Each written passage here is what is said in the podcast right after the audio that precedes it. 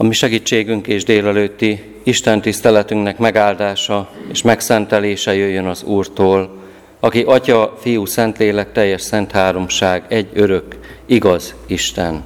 Amen. Szeretett testvéreim, hitünk erősítésére és lelkünk épülésére hallgassuk Istennek hozzánk szóló üzenetét, ahogyan az írva található a Cselekedetek könyve 23. fejezetében, a 23. rész első versével kezdődően a Bibliavasó kaló szerint mai napra rendelt új szövetségi igében. Amíg az igét felolvasom, a testvérek figyelmes szívvel leülve hallgassák az igét. A Cselekedetek könyve 23.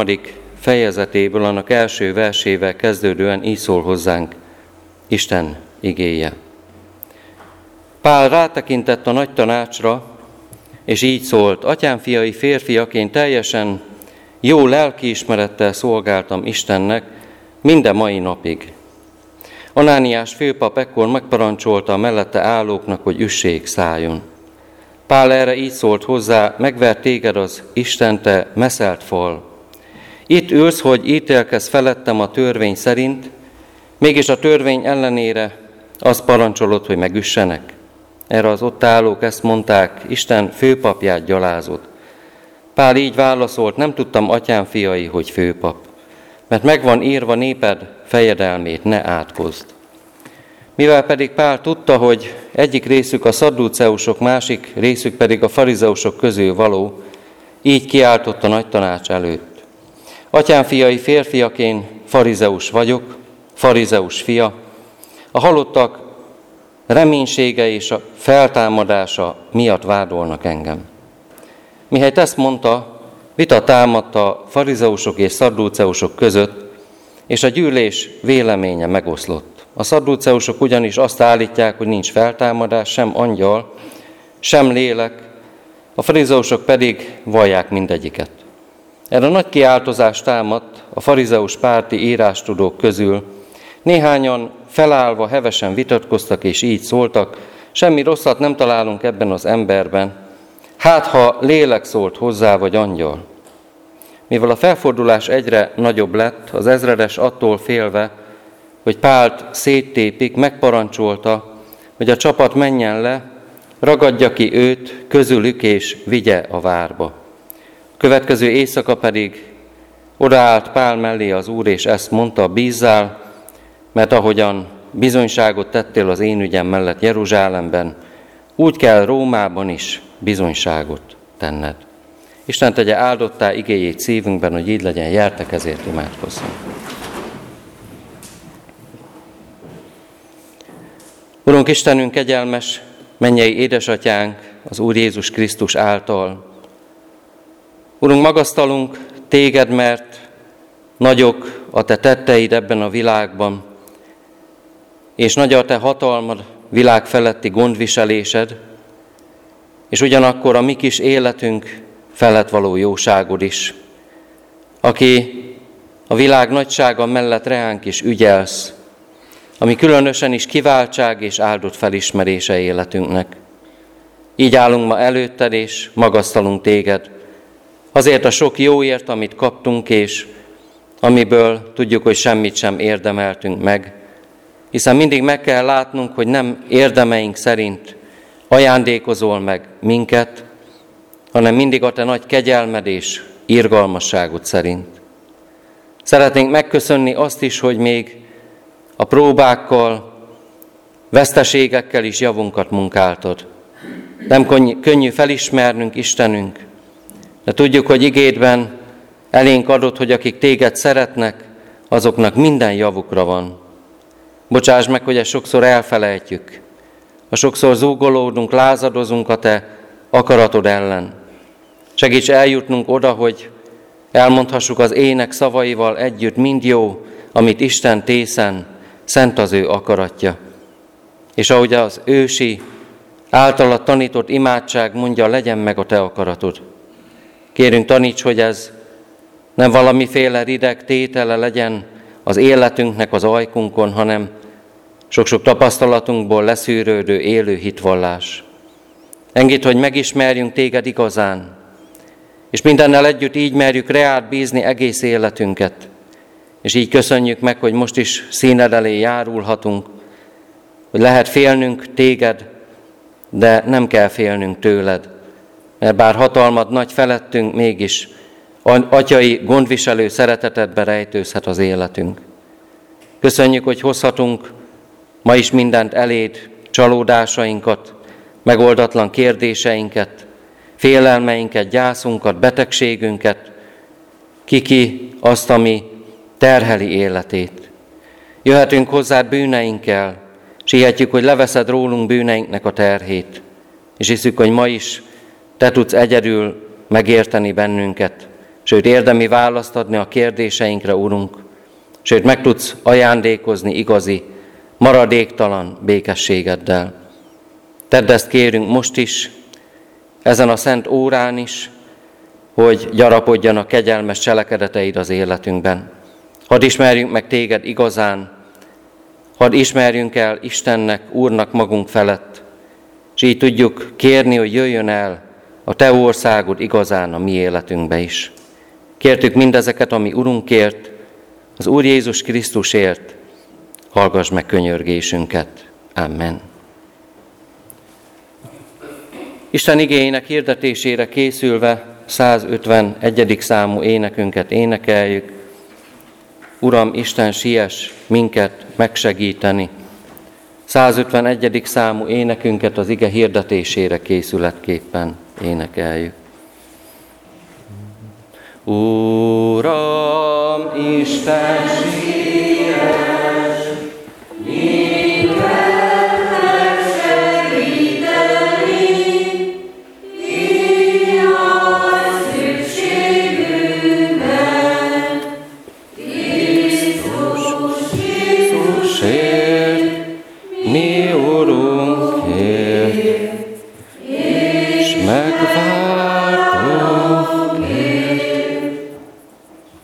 Szeretett testvéreim, az a szentige, amely alapján hirdetni kívánom közöttetek az élő Isten üzenetét, imént felolvasott ige szakaszunkban van megírva.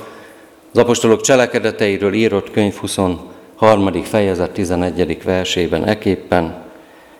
Aznap éjjel pedig odaállt Pál mellé az Úr, és ezt mondta, bízzál. Mert ahogyan bizonyságot tettél az én ügyem mellett Jeruzsálemben, úgy kell Rómában is bizonyságot tenned. Amen. Az igen magyarázatát leülve hallgassuk. Kedves testvérek, szeretett gyülekezet, bízzál. Isten mondja ezt ezen a helyen, egy olyan apostolnak nagyon személyesen, aki a missziói útjait követve ekkora már nagyon magányos maradt és magára maradt a szolgálatával. Azt látjuk, hogy szinte már senki sincs mellette, aki megvédené, vagy aki mellé állna. A hatalmon levő rómaiak is nem is igazán mellette vannak, inkább csak óvatosak, mert éppen ezelőtt a szakasz előtt szerették volna őt a történések szerint ugye megkorbácsolni, megostorozni, és akkor ejtette ki a száján, hogy hát ő római állampolgár. És hát ők nagyon megijedtek a római katonák, mert a római polgárjog az egy különös védettséget jelentett akkoriban annak a személynek, akinek ez a birtokában volt, különösen akkor, hogyha nem pénzen vásárolta meg, vagy jutott hozzá, hanem gyakorlatilag beleszületett, ahogy Pálapostól beszélget ezzel az ezredessel, én beleszülettem ebbe a jogba. És ezért tudjuk, hogy már elhangzik az élete felett, hogy ezért rendes tárgyalás római jog szerint, rendes tárgyalás illeti meg majd Rómában, és nem is csak erről van itt szó, hanem amit Isten mond az igében, mindez azért történik, hogy ott is bizonyságot tehessen Jézus Krisztusról. Bizonyos értelemben az emberek nem bánthatják hogyha erről a római jogról beszélünk, de mégis azt látjuk, hogy Isten ezt az eszközt is használta ebben a pillanatban, hogy majd Rómába is eljusson ezért az evangélium. Azt látjuk, hogy mégis támadják ezt az embert az emberek, fellázadnak az ő szolgáló élete ellen, mind a zsidók, mind azok, akik nem tudták megérteni, hogy ő folyamatosan és mindig a misszióról, a pogányok megmentéséről, Isten igéje hirdetéséről beszél. Sokszor hallottunk arról, hogy saját népe nem tudta elfogadni ezt az üzenetet. Egyedül volt tehát, látjuk a missziójával is. Sokszor még a munkatársai is elhagyták, voltak olyanok, akik úgy gondolták, nem mennek vele végig ezen az úton. Voltak persze, akik megmaradtak mellette, de ezen a ponton már szinte egyedül van. És ekkor olvassuk, hogy egy ilyen missziójában egyedül maradt ember mellé, éjjel, nem más, mint az Úr áll oda, és bíztatja, bízzál Pál. Van, hogy egyedül Isten áll mellettünk, kedves testvérek, ez az igének egy ilyen alap gondolata. De tudnunk kell, hogy ez nem kevés. Igazából ez a minden. Ahogyan az ének mondja, jól ismerjük ezt az éneket, elhagynak emberek, mit árt, ha ő veled? Töröld le könnyedet, Jézus szeret. Bizony sok minden és mindenki elhagyhat minket. Lehetnek az életünkben, magányunkban sokféle zsákutcák. Lehetünk összezavarodva a körülöttünk lévő történések miatt. Lehetünk nagyon magányosak és mélyen anyagi nehézségek miatt, érzelmileg, kapcsolatilag. Olyan történésekben, amikor nincs kivel megosztanunk a gondjainkat, nincs aki átérezné, nincs aki segítsen. És akkor jöhet velünk szembe a jól ismert ige is, amikor így egyedül maradunk, amikor azt mondja a Zsoltárban az Úr, bízzál az Úrban teljes szívből, és ne a magad eszére támaszkodj. Mert az is előfordul, hogy az Istenben bízó ember már egyedül marad, de még mindig megvannak a maga emberi tartalékai. A hit mellett még ott van a maga esze, a maga képessége, a maga okoskodása, ötletelése, elvei, meglátásai, amik lehet, hogy még nem hagyták el, még ezekkel valamennyire a túlélésre játszik, de amikor már a saját eszünk értelmünk, a saját bölcsességünk, a saját lehetőségeink is zsákutcába jutnak, azt lehet mondani talán, akkor ragyog a legtisztábban ez a bíztatás. Bízzál az Úrban, egyedül az Úrban, teljes szívvel. És ekkor jelenik meg az a tiszta hit, az a kizárólagos bizalom, kedves testvérek, amely maradéktalan, makulátlan, és az ilyen helyzet, mint itt a Pálapostolé, ez igazán egy megtisztított aranyhoz hasonló. Vannak ilyen helyzetek, amikor Isten igazából a legnagyobb dolgokat munkálja ki az életünkben. Hadd mondjak el erre egy példát egy misszionáriusnak az életéből, nagyon kedves a számomra, Reinhard Bonkénak az élete. Afrika misszionáriusa volt ez az ember, a mögöttünk levő évtizedekben legalábbis fiatal kora óta komoly elhívása volt arra, hogy a kontinenset Krisztus szeretetével átölelhesse, és ő mondja el, hogy még nyelvtudása sem volt, de nagyon vágyott arra, hogy eljusson és hirdesse az evangéliumot az ott lévő embereknek. Jelentkezett egy bibliaiskolába is, ahol nagyon sok akadály gördült az elé, hogy ő elinduljon, aztán el is utasították, de végül Isten mégis megadta neki, hogy ebbe a Biblia iskolába felvegyék. És számára az volt a legérdekesebb, hogy itt nem hitbeli ismereteket tanítottak elsősorban, nem táblára írt krétával tanulták, hanem életgyakorlatot tanítottak. Úgy emlékszik vissza ezekre az időkre, ami a hitiskolája volt. Azt mondták tanárai, itt hinni tanultok meg, és bízni az Istenben, hogy ahova kerültök, és ott egyedül lesztek, nem lesz senki mellettetek, csak az Úr, akkor is tudjatok bízni benne. Így jön az ő története itt a páli gondolathoz. És nagyon érdekes, elmond két esetet, meg akar tanulni, hinni. Azt mondta, a hit embere akartam lenni. A hit emberével akartam válni. Isten kezében. Egyik délután az iskolában ott járt egy misszionárius, és neki volt húsz fontja, és azt gondolta, hogy most megmutatja az Istenbe vetett bizalmát, és ebből a 20 fontból nagyon kicsi az, amit meghagy, 19 fontot odaad ennek a misszionáriusnak Isten ügyére. És Isten hiszi, hogy így is meg tudja segíteni, azt az egy fontot eltette magának, de az Isten lelke szorongatta a szívét is. Azt mondta, hogy szeretnék veled arról az egy fontról beszélni. Mi van azzal az egy fonttal?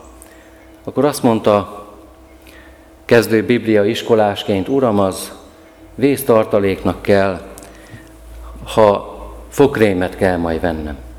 Aztán később nagyon nevetett magán ezen, de azt mondta, megértette akkor ott abban a Biblia iskolában, hogy minden oda kell bízni Istenre is. Végül odaadta azt az egy fontot is.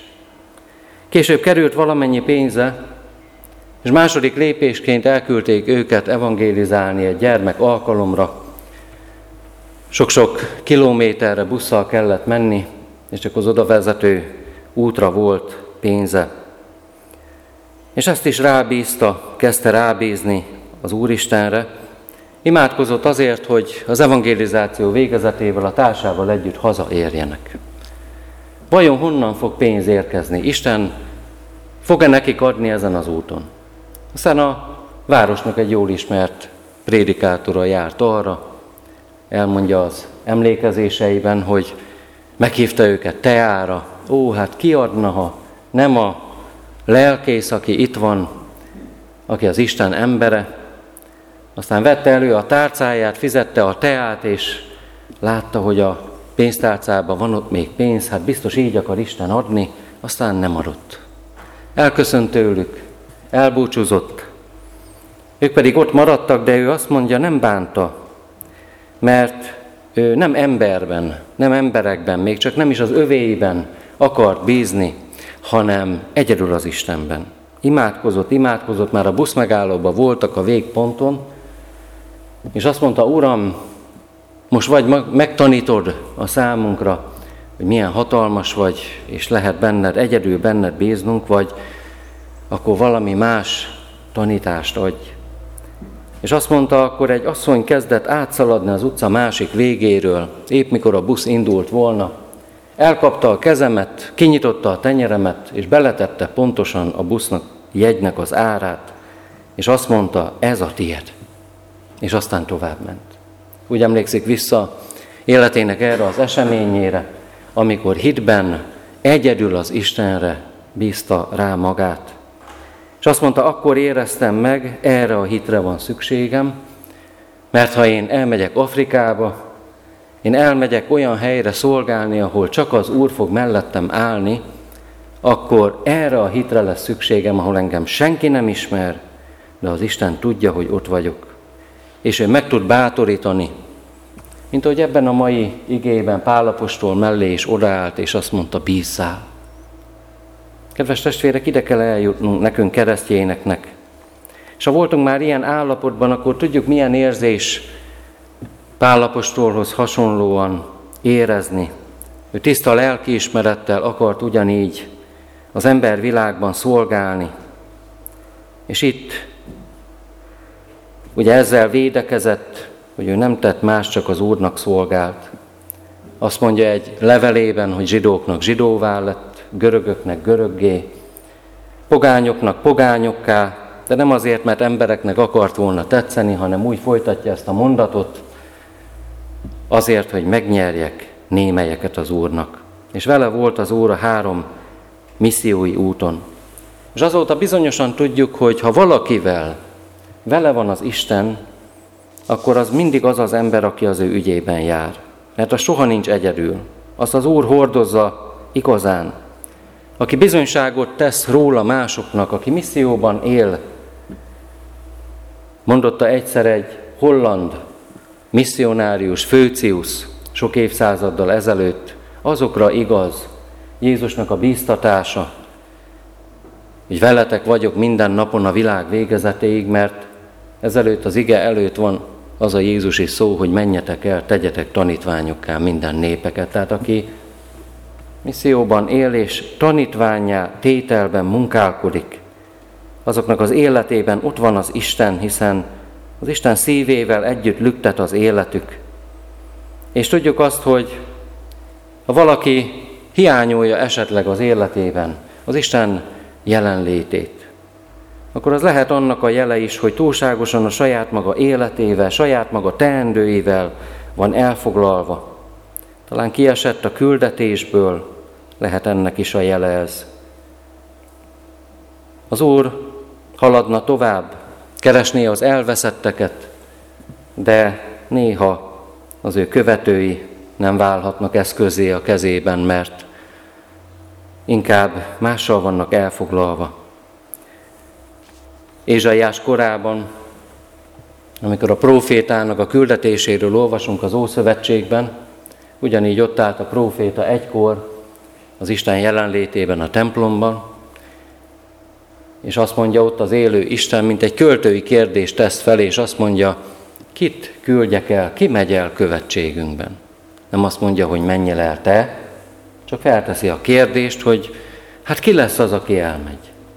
És akkor megértette Ézsaiás, hogy itt vagyok, engem küldj, mert tisztátalan ajkú nép között lakom. És megértette, hogy szüksége van, hogy az Úr munkájában legyen ott. Pedig királyi tisztviselő volt az Ézsaiás, meg volt neki mindene, de érezte, hogy az Isten akkor lesz vele, hogyha az Isten szolgálatába simul bele az ő szolgai élete. Kedves testvérek, olyan nyomorult látni ebben a történetben, egy kicsit erre is figyelve, a nagy tanácsnak az életét. Akik ott vannak, mint az Isten népe. Ott áll előttük Pál, aki jó lelkiismerettel szolgál. És ez a nagy tanács semmit nem ért abból, amiről ez az apostol beszélni akar nekik. El vannak annyira a saját maguk hitével, vakhitével foglalva, hogy bár Isten népének neveztetnek, azt se tudják, az Isten mit akar végezni. Azt olvasok, hogy ott voltak a farizeusok, ott voltak a szaddúceusok, gyakorlatilag az a két tábor, ami akkoriban is jelentette az akkori népnek a vezetői. Tudjuk, hogy a farizeusok egy ilyen konzervatív hitűek voltak, a szadduceusok pedig szabadabban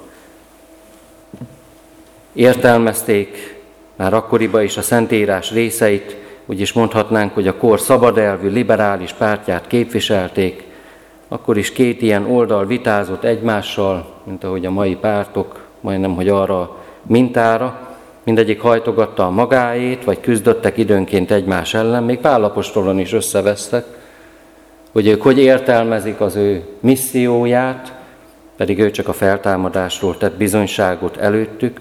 Ott áll a két tábor meccéspontjában, és számukra Pálapostól szolgáló élete is csak egy jó téma volt, amin megint összeveszhettek. Már is kitört a csetepaté, egyik tábor hiszi, a másik tábor nem hiszi azt, amiről az apostol beszél. Kisé lekerekítve magunk előtt látjuk talán egy kicsit a mai jobb és baloldalnak a viaskodását, mai emberek magatartását, és közben ott áll ezeknek a meccés pontjába az Isten gyermeke. Az Isten gyermeke, aki elhívott szolgálja az élő Istennek, akit olyan kevesen értettek meg, akinek még ez a, az ellene való állás, a nagy tanácsnak, ez a borzalmas felháborodása hatalmas vitája is csak azt készítette elő, amiről itt az élő Isten beszél. Neked Rómáig el kell jutnod, mert ahogyan itt bizonyságot tettél, majd Rómában is bizonyságot kell tenned. Kedves testvérek, ez bátorította meg Pálnak az életét, mert tudta, hogy ő azért van ezen a világon, hogy bizonyságot tegyen az Úrnak a dolgairól. Legyen bármilyen helyzetben az ő élete, bármilyen körülmények között olyan nagy dolog, hogy ezt ő tisztán látta. A küldetésben lévő embereket igazából azt különbözteti meg másoktól, hogy világosan látják, mi az életüknek az Istentől rendelt célja. Isten erre teremtette az övéit, akiket elhívott, hiszen bennünket, hogy még mások a túlélésre játszanak, keresik az élet örömeit, rendezgetik a maguk vagy családjuk, utódaik jövőjét, vagy éppen végig vitázzák, mint itt ezek az emberek, akár teológiailag is az életet, a maguk igazát keresve, Isten gyermeke meg ezeknek a meccéspontjában nem tesz egyebet, mint hogy szolgál. És az Isten mellé áll, a küldetésben lévő szolga mellé. Ki az, aki mellé áll? Az a Jézus, aki a kereszten úgy imádkozott, amikor abban a nagy elhagyatottságban függött ég és föld között érettünk, hogy én Istenem, én Istenem, miért hagytál el engem? Jézus egészen magára hagyta az Atya, kedves testvérek, egy pillanatra, hogy bennünket az elhívottjait soha ne hagyjon magunkra. Pálapostól ezt az isteni jelenlétet értette meg, Isten mellé állt, és azt mondta, bízzál. Jézus Krisztus ezért ment a keresztre, érettünk, miattunk, helyettünk, hogy mi soha ne érezzük az Isten hiányt, hanem ha tudjuk, hogy ő neki szolgálunk, akkor mindig érezzük, hogy ő velünk van. Merítsünk ebből reménységet, mi is bízzunk. Hiszem, hogy Isten odáll a magunk sokféle élethelyzetében, és higgyük, hogy Isten a mi életünkkel is velünk van, csak tegyünk bizonyságot róla. Emberek előtt, a hétköznapokban, minden teremtménynek hirdetve az evangéliumot azért, hogy Istennek az ügye előre mehessen. Segítsen meg ebben bennünket az Isten, és adjon számunkra ilyen bizodalmat ő benne. Amen.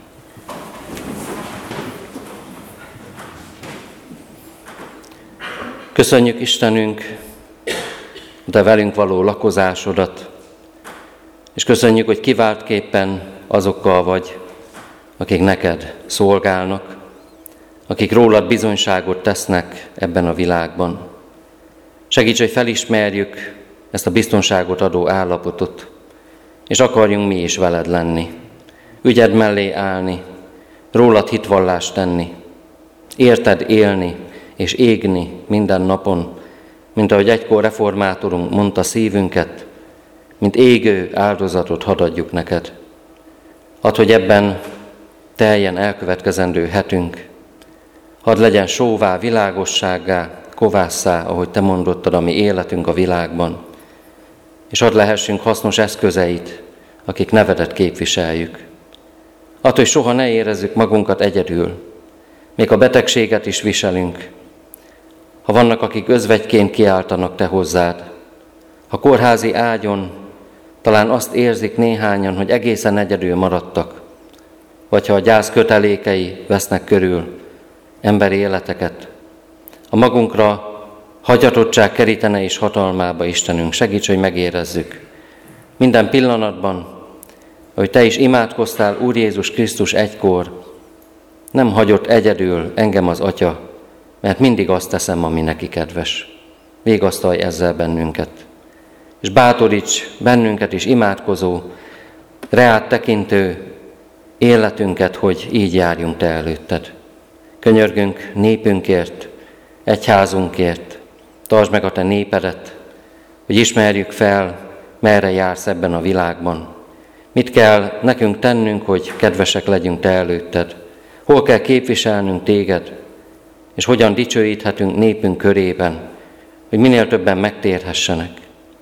Így áld meg, Urunk, elkövetkezendő hetünket, különösen a jövő hetet a gyermekek között végzett szolgálatot is. Kérünk a gyermekek életéért, tanévet követően, az évzárókat követően, pedagógusoknak, iskolákban dolgozóknak az életéért. Te adj ne csak testi, hanem lelki felüdülést is. És adorunk, hogy a reánk bízottak között a nyári alkalmakon is gyümölcsöt teremhessen a Te igét ebben a szolgálatban. Őrizd, Urunk, az életünket, és kérünk, légy és maradj velünk a Krisztusért, ki egykor az apostolt bíztattad, bízzál, úgy bíztas bennünket is naponta, hogy lehessen beléd vetett hitünk. Amen. Az Úrtól tanult imádságunkkal imádkozzunk. Mi, Atyánk, ki vagy a mennyekben, szenteltessék meg a Te neved, jöjjön el a Te országod, legyen meg a Te akaratod, mint a mennyben, úgy a földön is. Mi mindennapi kenyerünket add meg nékünk ma, és bocsáss meg a mi védkeinket, éppen mi is megbocsátunk az ellenünk védkezőknek. És ne védj minket kísértésbe, de szabadíts meg minket a gonosztól, mert Téd az ország, a hatalom és a dicsőség mind örökké. Amen. Végezetül a kegyelem maradjon mindazokkal, akik el nem múló szeretettel szeretik a mi Urunkat, az Úr Jézus Krisztust. Amen.